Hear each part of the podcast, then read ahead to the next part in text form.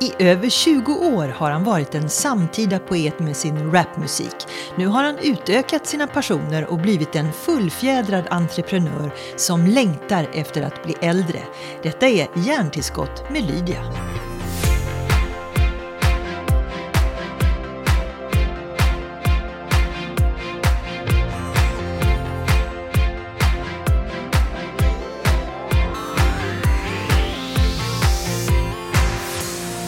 Petter, det är väldigt roligt att vara en podcast på resande fot för man vet ju faktiskt aldrig var man hamnar någonstans. Och idag så sitter ju vi ovanför Centralstation i Stockholm Yes. faktiskt. Ja.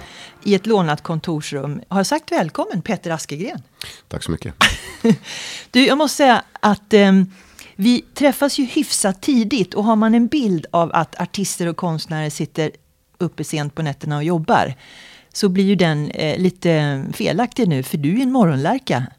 Ja, och jag är framförallt ingen kvällsperson på det sättet. Eller ja, absolut, jag kan jobba på kvällar. Men jag föredrar ju att jobba förmiddagar och morgnar. Jag är liksom mycket mer alert i, i skallen. Alltså det är jag superförvånad över. För jag är likadan som du, men jag är förvånad. Ja, men det finns så otroligt mycket stereotypa bilder av alla människor och deras yrken. Och man ser någon i kostym som jobbar i finanssektorn så tror man att han eller hon är bara på ett visst sätt. Och de gör bara på det sättet och de umgås bara med sådana människor. Det behöver inte alls vara så. Det kan vara tvärtom. Möter du ofta stereotypa attityder mot dig?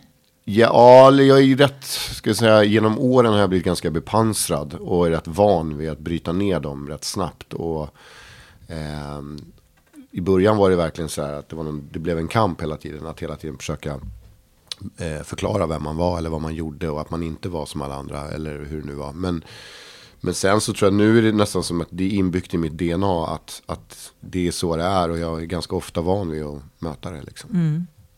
Var ehm, ser du mest eh, motstånd just nu? För du rör ju dig i olika cirklar som entreprenör. Vincirklar som sommelier och allt det du gör. Och ditt entreprenörskap. Och sen hiphopkulturen, musikerbranschen, föreläsningar, ledningsgrupper.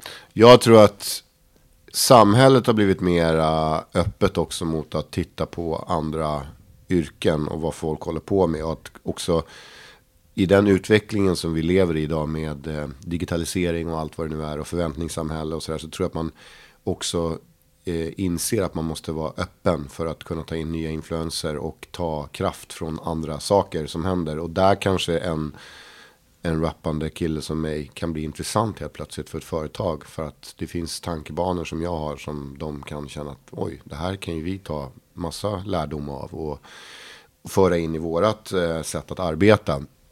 Och, och jag har ju lärt mig jättemycket av folk som har jobbat i reklamvärlden som har varit mina mentorer eller folk som har jobbat inom eh, finansvärlden som har varit mentorer för mig. Men även människor som har gjort helt andra saker också. Eh, jag, så jag, jag själv jobbar väldigt mycket på det sättet att försöka ta in så mycket som möjligt i mitt breda nätverk. Där det finns människor som jobbar i precis alla möjliga olika eh, vad ska man säga, yrken.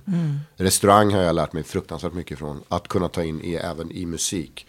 Och då tänker en, en, en kort tänk, tanke skulle vara, vadå, rappar och musik? Nej, absolut inte. Men jag tänker på hur man, hur man arbetar, hur man bygger upp saker och ting. Och hur, hur, hur strukturen fungerar. Eller hur man lanserar vissa saker. Och så. Men du, du är ju en jäkel på att anpassa dig vad jag har förstått. Eh, det finns ju hur mycket artiklar och texter om dig. Eh, hur du är som människa, från dina tillkortakommanden till liksom, eh, dina begåvningar. Eh, men du har en integritet också.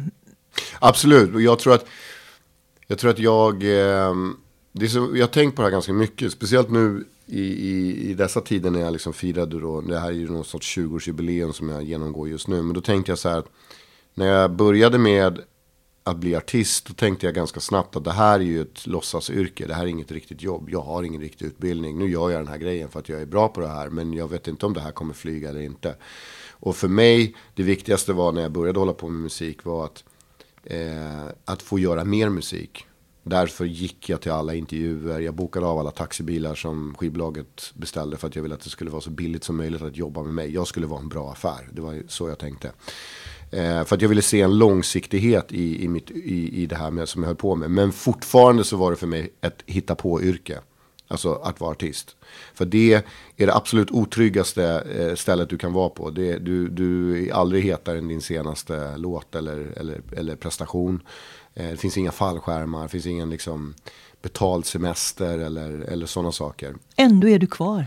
Jo, och jag lärde mig ganska snabbt att eh, jag var ju inte en artist som en Håkan Hellström som bara, du vet, allting bara flög och så bara funkade och så blev det bara större, större, större, större, större. Det blev stort, men sen så började det också fallera och då märkte jag under en period där det var tufft att där någonstans så ska man vara väldigt tacksam för jobb. Och jag eh, har ingen utbildning men jag har också en passion i massa andra människor, eller så olika yrken och göra saker. Därav att jag börjar liksom slänga mig in i restaurang eller jag börjar eh, slänga mig in i föreläsningar och göra andra saker. Så att jag, jag har aldrig sett eh, en grej bara som att det här är det som, som jag ska ha och det här är det jag ska jobba med bara. Utan jag är ganska glad för det för att jag tycker mitt liv har blivit mycket roligare. Tänk om jag hade varit en artist som bara allting hade bara handlat om att vara artist och sälja ut arenor och eh, sälja skitmycket musik och bara leva på det. Vad tror du dina artistkollegor säger när de hör det här? Nej men jag hade nog, eh, i, så här, i efterhand så, jag menar när jag väl stod där och det var tufft så hade jag nog velat att allting skulle funka jättebra. Men nu i efterhand så är jag rätt glad att jag blev satt på prov så hårt. Eh, och jag tror att jag, för att återknyta till det du pratar om och anpassa sig, så tror jag att man blir ganska man lär sig simma i olika vatten när branschen är så jävla skakig som den har varit. Eh, jag kom ju in precis i slutet av liksom gåslever-eran för skivbolagen när de eh, flög första klass och, och drack champagne och allting var toppen och vi sålde asmycket CD-skivor. Jag var med i två år under den eran. Sen så liksom kom hela eh, fildelningen, Napster, Pirate Bay och allt det där och satte liksom musikbranschen på prov. Eh, vi som var eh, konstnärer eller artister, vi, vi sattes ju på prov också och hittade ju andra olika möjligheter att överleva i det där och simma i det klimatet. Sen kommer Spotify. Och så började det liksom växa tillbaka mer och mer. Och nu är ju eh, intäktsmodellerna är ju helt annorlunda än vad de var. Artisterna fått tillbaka makten lite grann va? Eller? Ja, på ett sätt. Men det är också, du måste vara mycket mer finurlig idag som, eh, som kreatör, som artist. Och, och um, det finns olika vägar ut och, och göra det på. Eh, förr i tiden så var det väldigt mycket, alla åkte igenom samma flaskhals liksom. Mm. Men när du tittar så här tillbaka på allt det du har gjort och fortfarande gör och kommer säkert att göra. Är det någonting du har ångrat som du har gjort eller sagt något specifikt som ändå ligger där och maler?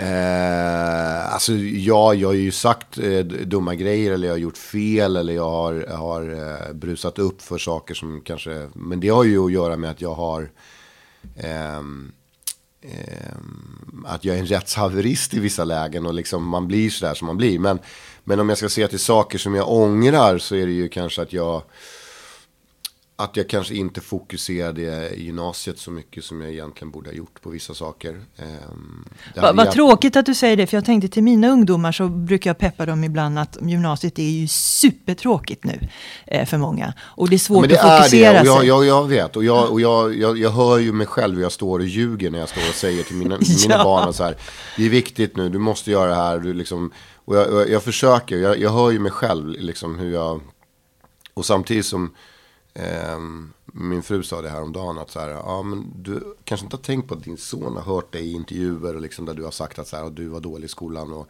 och det landade rätt ändå. Aha. Att han kanske tänker så. Precis. Eh, och det slår ju mig att så kanske det är. Men så står ju inte jag och säger nu. Utan jag står så du måste, du måste göra det här och det här. Och här.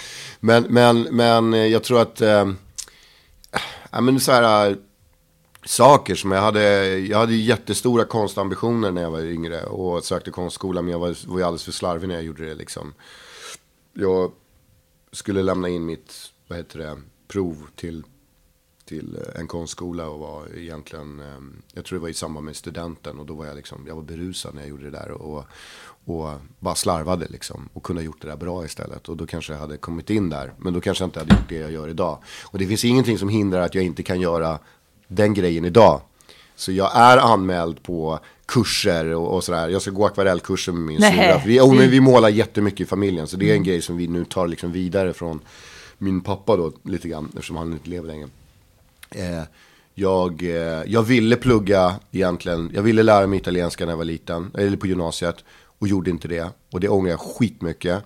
Så nu håller jag på och kör liksom så här stenhårt med det just nu, nu, nu. Och har liksom bestämt mig att om ett år så ska jag vara flytande. Det är bara, det är bara så. Om ett år? Ja, om ett år har jag tänkt. Jag kan testa det lite här Nej, och nu om du... Nej, nej, nej, absolut inte. Jag vet att du pratar, men jag, jag tänkte, det får du absolut inte göra. Men, men det är så här målsättning som jag har, så det är en ny grej. Så jag, ska, jag ska lära mig italienska, eller flytande, men jag ska lära mig att prata det. För att jag känner att jag har ett sånt behov av det, för att jag är där så mycket. Och jag kan prata med de unga generationerna, men jag kan inte prata med deras föräldrar. Och det stör mig. Eller jag förstår dem, men vi kan inte kommunicera. Jag fattar orden, jag förstår vad de säger och, och sådär. Men jag vill lära mig hela vägen.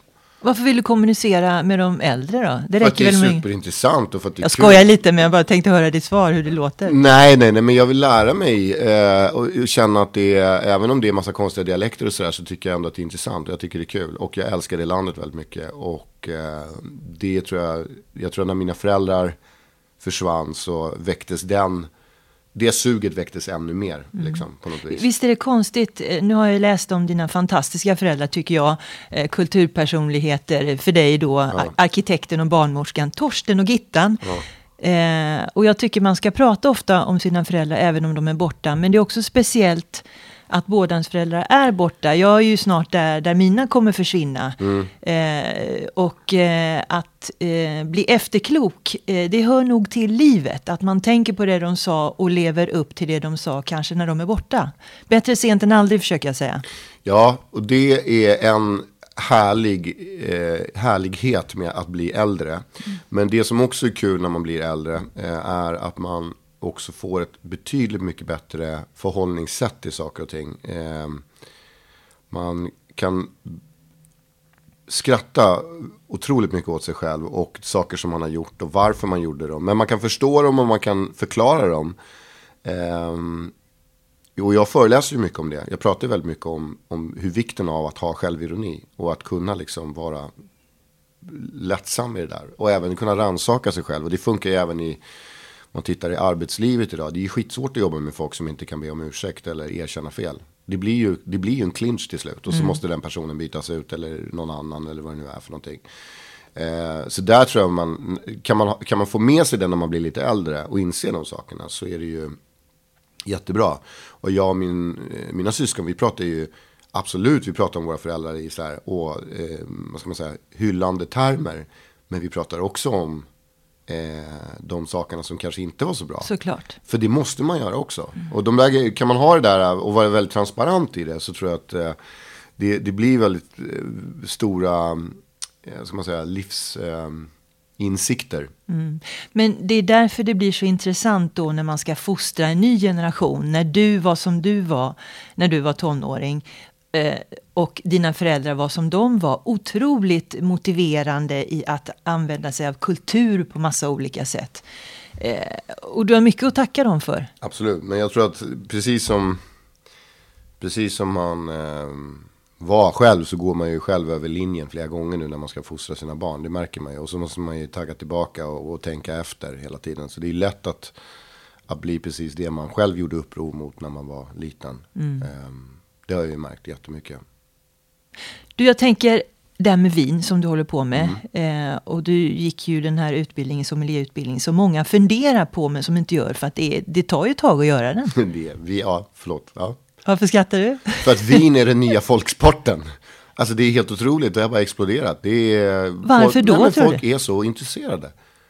Men fortsätt. Jo, nej, men jag tänkte vad jag ville komma till, eh, apropå det, för nya folksporten. Det går ju att odla vin i Sverige. Varför, varför eh, eh, inte anamma den trenden också? Tänk ha ett...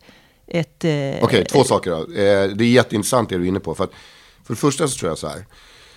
Eh, varför, varför vin bör bli så stort nu? Det är för att det är ett generationsskifte. Våra föräldrar eh, Eh, i Sverige, den, den generationen, eh, växte upp med att man drack brännvin till maten. Så det är också en, en förändring som sker. Liksom, eh, den nya generationen, tittar man på Systembolagets eh, oberoende organisation som heter IQ som gör bedömningar och tittar på våra dryckesvanor. De säger nu att eh, vi dricker eh, oftare men mindre.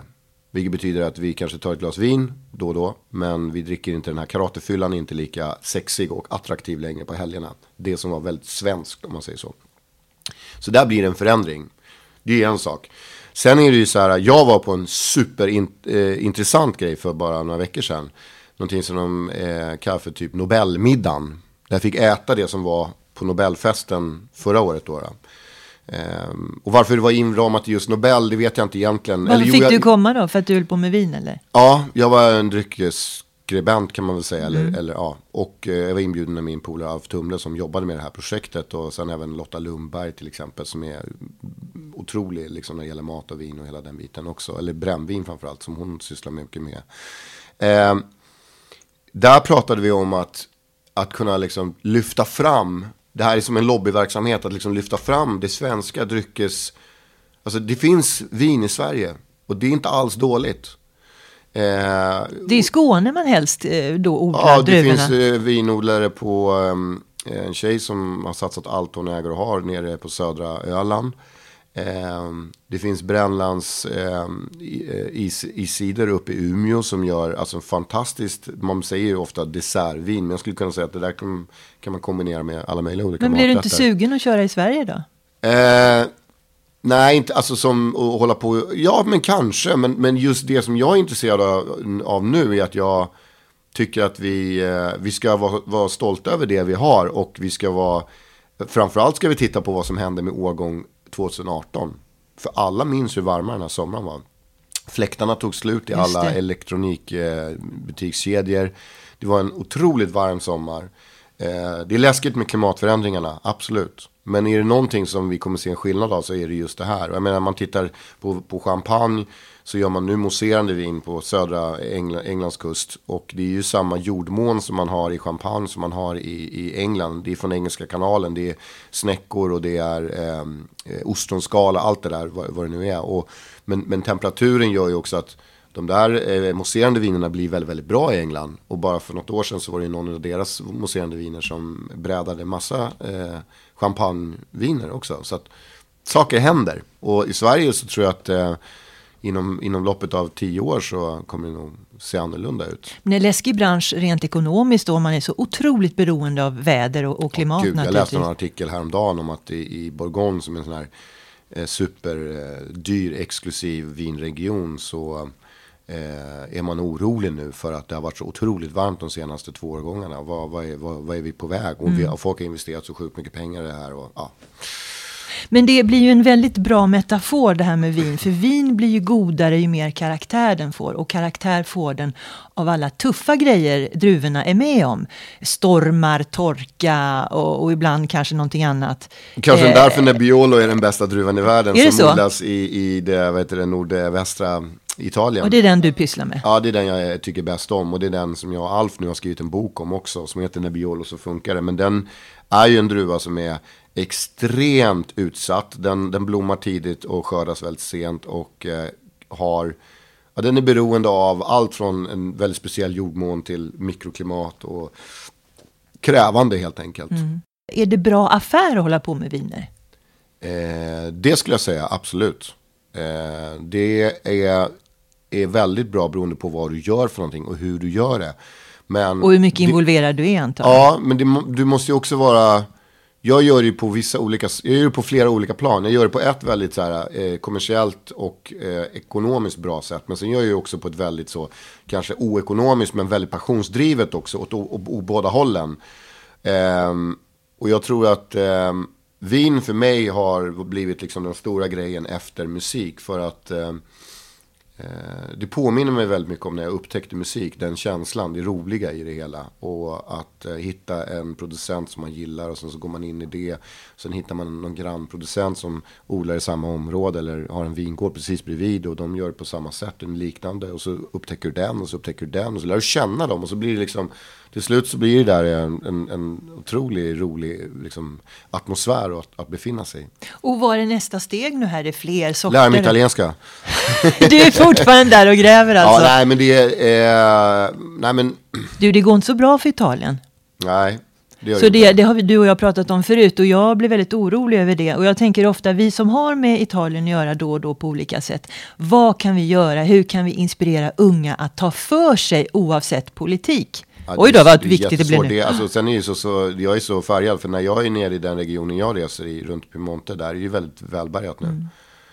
Precis. De, har, de tjänar mycket pengar liksom. Mm. Det går bra för dem. Men sen om man åker i resten av Italien så ska man ju veta att det är väldigt fattigt på vissa ställen. Mm. Men tänker du så någon gång? Vad kan jag göra för landet? Eh, nej, jag har liksom inte, när det gäller Italiens fall så har jag liksom inte kommit så långt i mitt tänkande. Men det kommer jag säkert göra med i, i sinom tid, det tror jag. Och speciellt när man börjar resa runt mycket mer och se liksom helheten i det hela. Eh, men, eh, ja. Bocca lupo, vet du vad det betyder? Nej. Eh, lycka till. Bocca Ja, det ska jag inte säga nu, vi, vi ska ju prata mer, men det är bland annat sådana där uttryck som är coolt att svänga sig med, för då tycker italienarna att man har koll. Ah. Du kan få några sådana när vi är klara. du, när du föreläser så kan du ju föreläsa ibland både för unga som har läsesvårigheter, eh, läs och skrivsvårigheter och ibland för eh, företag och ledningsgrupper. Mm. Nu hoppar vi här eh, bland ämnena. Men vad är roligast? Vad ger mest effekt? Vad är roligast för dig och vad ser du i publiken? Eh, vilken publik får störst aha-upplevelser av det du säger? Alltså, de som jag tror går därifrån och tar någonting med sig. Alltså, ehm, jag kommer när jag gjorde det där första gången när jag började föreläsa. Det finns en väldigt fin faktiskt historia. Jag har ju precis gjort en, varit med i en dokumentär som P3 har släppt. Eh, där jag gör en av mina första föreläsningar. Jag är liksom nedbjuden av en kompis eh, som jobbade som kamratstödjare i Rosengård. Eh, det här var 99. Och han ville att jag skulle föreläsa. Jag hade ingen aning om hur man föreläser. Men jag åkte ner dit och så satt jag i en stor aula med alla dessa ungar. Eh, och jag pratade om vikten av att läsa. För det var därför de ville att jag skulle komma dit. För jag hade pratat om, om svårigheter i skolan och liksom att jag hade problem att lära mig läsa och skriva. Men att böcker för mig hade varit nyckeln in i musiken. Och det faktum att jag alltså började skriva texter på, raptexter på svenska var på grund av att jag hade plockat så mycket från litteraturen. Därför läste jag. Därför blev läsningen helt plötsligt intressant för mig. Den blev meningsfull för att jag behövde lära mig de här orden. Där sitter en ung kille som smyger in där. Som heter Ossi. Eller Osman. Eh, som idag är en, en, en ny rappare som har kommit fram som är fruktansvärt bra. Eh, och han berättar här i den här intervjun hur han liksom kom in på den här föreläsningen, smög in på den. Och jag pratade om vikten av att läsa och han började liksom titta i böcker, började skriva texter, där, där, där, där. Och den, den historien för mig är egentligen hela svaret till dig varför jag tycker att det är så kul och varför jag tycker att det är viktigt. När jag går in för en skolklass, det är jätteroligt att gå in på en skolklass eller, eller en skola, 1500 gymnasieelever som sitter med sina mobiltelefoner. Det är den absolut tuffaste jävla publik du kan träffa. För de ska du fånga och de är tonåringar, de är liksom 16-17 år. Um, Snacka om kort attention spam som ja, det heter. men jag fångar dem. Och, och, och jag, i början var jag väldigt osäker på, är det jag berättar intressant? Är det här ens relevant för dem? Men varje gång jag har gjort någonting så känner jag att jag får så otroligt mycket jag vill säga bekräftelse, men de liksom speglar allting och, och på något sätt kommer tillbaka och säger saker som så här, eh, jag känner inte igen mig i allt han säger, men jag känner igen mig i vissa saker väldigt väl. Eh, jag känner igen mig i allt han säger. Han pratar vårt språk, du vet sådana saker som jag får tillbaka. Jättekul. Eh, och det är liksom i skolvärlden. När det gäller företagsvärlden så var jag nästan mer osäker på, för att där är ju alla de här normerna, liksom, okej okay, vad ska den här rapparen komma in och lära oss på Securitas, liksom, du vet. Eller ICA eller vad det nu är för någonting. Någon måste ju veta något eftersom de bokar dig. ja, men det är någon som tänker utanför lådan, helt klart. Eh, men sen så efterhand så kan det bli som att så här, att jag ser att de har anammat någonting. Eller att de tänker så här ska vi göra, det här är jättekul, vi ska göra på det här sättet. Eller vi blev inspirerade. För att jag menar, det är klart att så här, jag, när jag pratar om, de pratar om kund och klient, jag pratar om fans och publik. Och, men det är ju samma sak egentligen. Och det finns otroligt många beröringspunkter i det jag pratar om som går att på något sätt översätta in i en restaurangverksamhet, i en, en matkedja, eh, ett försäkringsföretag, en advokatfirma, en frisörs... Alltså, vilket, vad du än är. Ja, men där har du det här med anpassningen igen som är så otroligt viktig för alla företag. För ingen, kan ju, ingen kan ju stå stilla nu. Nej, men jag älskar ju att gå in och bara riva ner alla de här förutfattade meningarna också. Som de har, mm, jag ibland kan känna att folk kanske har. Men, men eh, sen behöver det inte vara så. Men det är min försvarsmekanism när jag går in. Att så här, okej, okay, här ska jag ställa mig och prata inför människor som förmodligen kommer tycka att jag är helt dum i huvudet. Men nu kör jag bara på och så öser jag. Och så märker jag bara så här, men vänta nu, de är ju med. De tycker det här är intressant. Jag märker ju det. Ehm, men det gäller också hela tiden att du har ju hört mig prata flera gånger nu. Och du, du vet ju att jag bakar in väldigt mycket humor i det hela. Det är väldigt mycket självironi. Jag driver väldigt mycket med mig själv. För att jag tror att det är nyckeln att få, få liksom folk att, att lätta upp och släppa på. Det är svårt om jag bara skulle gå in och vara så här superallvarlig och bara liksom prata allvar. Eh, och, och, och det måste vara på något sätt det måste finnas saker som bottnar i någon sorts humor eller igenkänningsfaktor. Ja, ah, just det, jag växte också upp på 70 80-talet. Jag kommer ihåg hur det var i Sverige. Du vet, vi är ju en, den generationen som snart försvinner som kan berätta hur det var. För det mm. var ju väldigt speciellt och vi har ju gått i en otroligt snabb takt i, i eh, företagsvärlden om man tittar på vad som har hänt under 30 år. Alltså om man tittar på digital, digitaliseringen, det, allt, det, det finns inte ens ett postkontor längre utan allting är ju bara telefontjänster, knappval och allt vad det nu är. Eh, däremot i skolan blir det lättare också för ungdomarna att känna igen sig. För att skolan har inte förändrats jättemycket. Nej, och det är det här som är det sorgliga, apropå hur man motiverar sina unga. Liksom. Det är det här som är det sorgliga, att skolan inte förändras. Jo, men skolan har förändrats, men inte på det sättet som kanske Eh, som har det funkat som, för dig? Som det har funkat ute i, i våran värld, mm. alltså i musikvärlden eller vad man nu figurerar någonstans. Det är ju fortfarande skolbänkar, lärare, eh, klassrum och det är lektioner och det är, okej, okay, det är skolwebben. Som jag för övrigt är, har jätteproblem med för att jag är så oteknisk och tycker det är asjobbigt. Och har jag flera barn så blir det ju är supermycket. Är du oteknisk? Ja, det är väldigt. Du vet hur en mikrofon funkar i alla fall, det är man ju glad över. Ja, absolut. Men jag är ju fortfarande så här, jag har ju folk runt mig, kompisar som hjälper mig med allt när mejllösenordet inte funkar längre eller vad det nu är för någonting. Då får jag fullständig panik och vet inte hur jag ska göra. Känns tryggt att även du kan säga en sån sak. Ja. Eh, men eh, jag förstår, den feedbacken du får är lite olika från unga och från företagare. Men den gör ju också att det, det driver på dig, antar jag. För nu kommer vi in på drivkraft. Eh, ja, men jag tror också att det där Drivkraften som jag har, den grundar sig väldigt mycket i det här att du eh, börjar med, med ett hokus pokus jobb. Som jag gjorde. Det är så roligt att du själv tyckte att det var ett hokus pokus. Ja, fortfarande. Och du tycker det fortfarande. Ja. Det är ett hokus pokus jobb för att det är... Eh, ja, men det finns liksom ingen... Eh, jag säger alltid det till människor som vill börja hålla på med musik. För det är folk som vill på något sätt bevisa att de är så pass bra. Så att bara, jag slutar allt runt omkring, jag kommer satsa allt på det här. Det handlar inte bara om det. Det handlar om att du måste vara smart. Du måste satsa, men du måste ju också satsa på det som att det är en hobby, det är kul. Men du också safear upp med någonting. Eh, det finns en, en rappare idag, en kille som jag är jätte, jag, jag känner inte honom, men jag är superimponerad av honom. Han heter JRL, en ung kille, väldigt ung. Han gör fantastiska låtar och gör liksom, bygger någon sorts karriär. Men han stoppar in alla sina pengar i sina studier. Och håller på och pluggar. Studi studier, studier, inte studior. Utan studier mm. och pluggar och utbildar sig. Sen om han nu håller på att bli civilekonom eller ingenjör eller advokat. Men det är någonting sånt där är det vet jag. Men när jag hör en sån sak då blir jag så här, fy fan den här snubben är street smart. På riktigt. Alltså han, han, han, eh, han tänker långsiktigt. Mm. Och det tror jag är jätteviktigt att göra.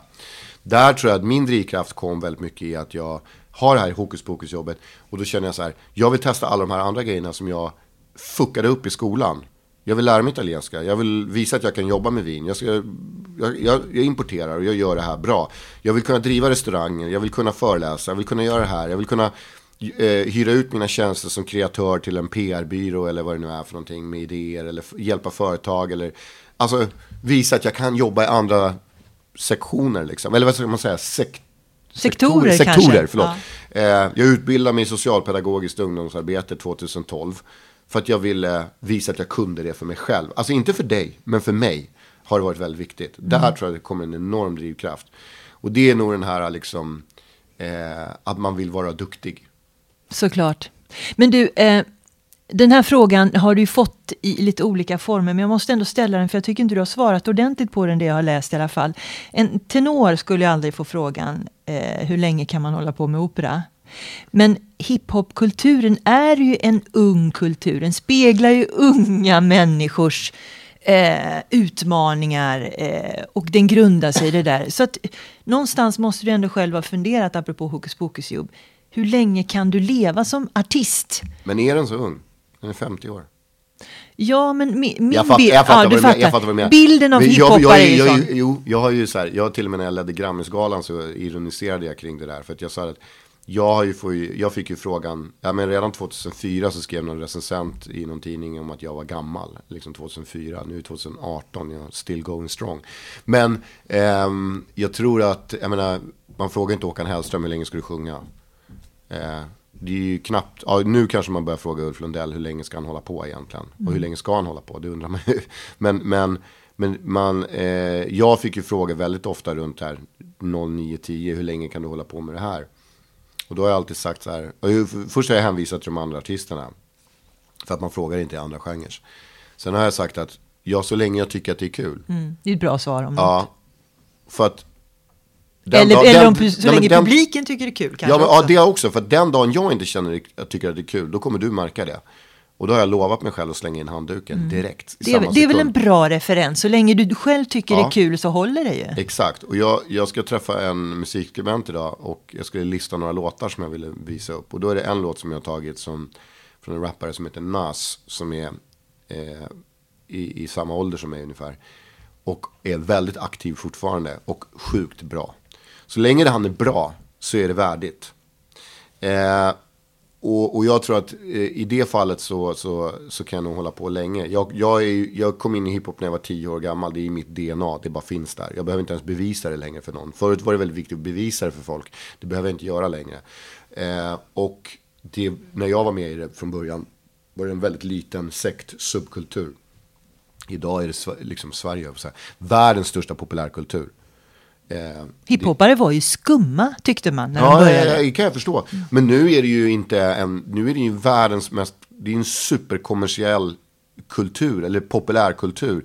Eh, det var som de rappare sa, det finns inte en reklamfilm idag. Det finns inte en grej där du inte kan liksom på något sätt koppla det till den här kulturen. Med något ord eller någon slang eller något beat eller en trumma eller något sätt att liksom föra sig på. Det finns så många saker som du kan hela tiden hänvisa till den här. Och apropå entreprenörskap, den omsätter ju miljarder alltså. Bara den genren. Det var ju också det som var grejen att i, i den kulturen så var det också rumsrent att vara entreprenör. Att liksom tänka stort, att tänka brett, att tänka okej, här, jag har släppt en skiva, jag ska göra eh, läsk eller jag ska göra eh, jackor eller jag ska göra kläder, skor eller jada, jada, jada. Det var inte alls lika självklart om du kom från indiepop-svängen i Göteborg. Att Nej, du skulle helt plötsligt börja göra det och det och det och det. Eller det och det och det. För det fanns någonting i liksom ehm, eh, I hiphop fanns det någonting att tänka, eh, vad ska man säga, live in large eller som jag har skrivit här, post and high, liksom håll huvudet högt eller liksom gör din grej, ba, bam, Och skrivit här, då menar jag tatueringen på Ja, vänster tatuering på handen. handen, ja, exakt. Ja.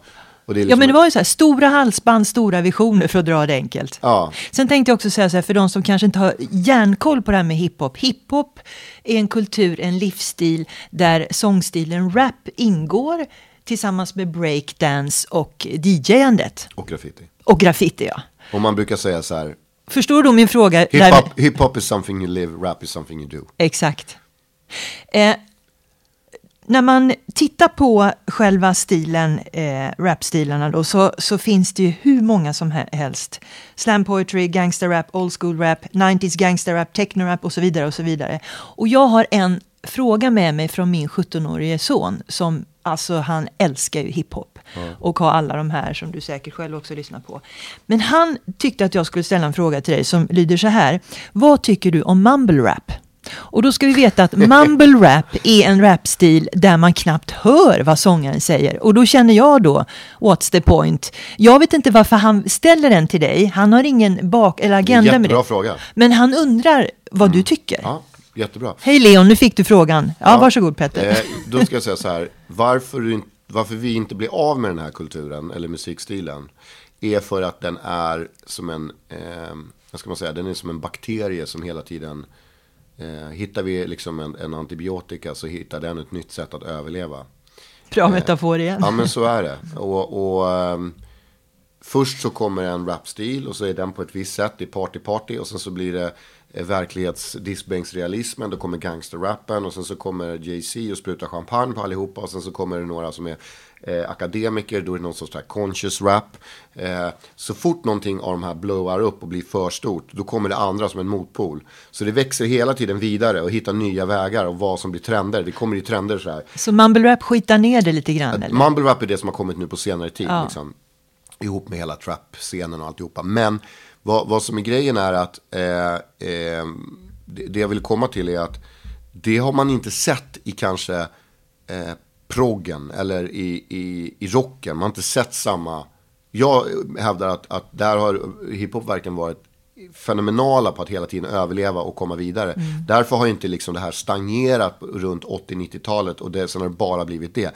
Utan det har alltid hittat nya vägar och hela tiden hittat ny publik, det vill säga nya ungdomar som gillar det här. Till exempel säkert din son Leon, 17 år gammal. Eh, svar på frågan, mumble rap, nej det är ingenting jag lyssnar på. Min son lyssnar på det. Ja, han är 15, han tycker om det. Jag har inte fastnat för det, men jag har också accepterat att jag förstår inte det här. För att det här men varför är, är det så framgångsrikt då? ja, men för att det är nya, nytt sätt att göra det på. Och eh, vad som också kommer mycket mer med det här är att nu kommer in en ny sorts stil av musik. Den är långsammare, det kanske är kläder som kommer in, det är mycket mode när jag liksom var i, som värst i 90-talet så hade vi alltid XXL-tröjor på oss, liksom hur stora som helst. Idag så är det allting jättetajt, slimmat och... Ja, men det är så olika saker. Och sen så, men, men, men också, det viktiga är att det kommer såna här nya ungdomar som säger Fuck you alla gamlingar, ni fattar inte vad vi håller på med, vi gör det här. För så kom ju vi upp. Och det är viktigt att det finns. Så det är, jag är den första att säga att det är helt okej. Okay. Eh, när ska du göra en sån för Mikaela, frugan? Eh, en hyllningslåt till henne? Jag gör ju massa låtar eh, som är kopplade till mitt privatliv. Eh, ja, det vet jag, men aldrig specifik eh, till henne. Jo, men det har jag gjort. Massor.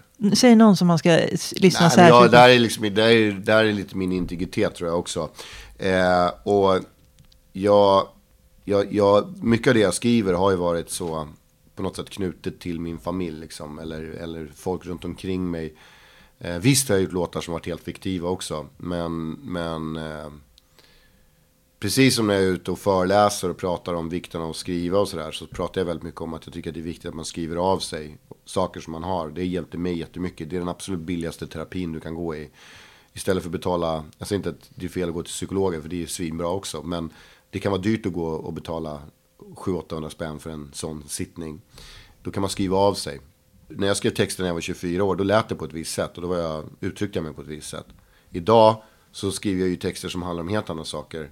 Och det som gör mig relevant som artist är att jag gräver där jag står. Alltså jag skriver texter utifrån där jag befinner mig just nu. Mm. Där tror jag också att många kan ha problem när de slår igenom en jättestark image.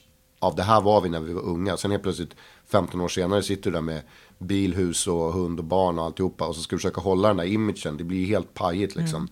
Därför försöker jag vara här där jag är nu. Och jag tror också, eh, för att bygga det ännu längre, det är därför också publiken har hängt med mig så länge. För att jag har haft publik som har följt mig sen jag var Eh, sen de var jämnåriga med mig och nu har de barn och familj och de kan mm. fatta. Och kan relatera. Men jag kan också nå en yngre publik genom att, att göra låtar som, som alltså, eller så här, jag, jag skriver som jag vill skriva. Sen att folk gillar det, det är ju fantastiskt. Jag, mm. jag, jag, kan inte säga att jag gör låtar för att för en viss målgrupp, utan jag gör det så som jag vill göra det. Lite grann att jag nämner eh, eh din fru, det är ju för att ni måste vara ett bra team som kan rodda allt detta med stor familj, företag.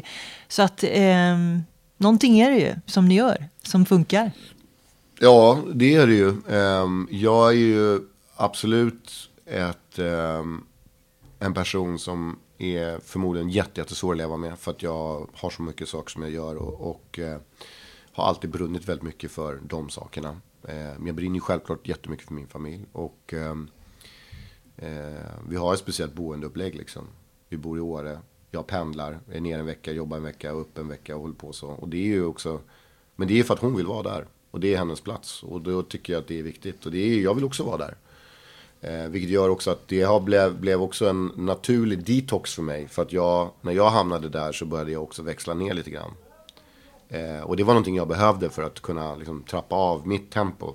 För skulle inte jag göra det så. Om jag bara skulle bo i Stockholm hela tiden, ja, då skulle det vara fullt ös 24 timmar om dygnet.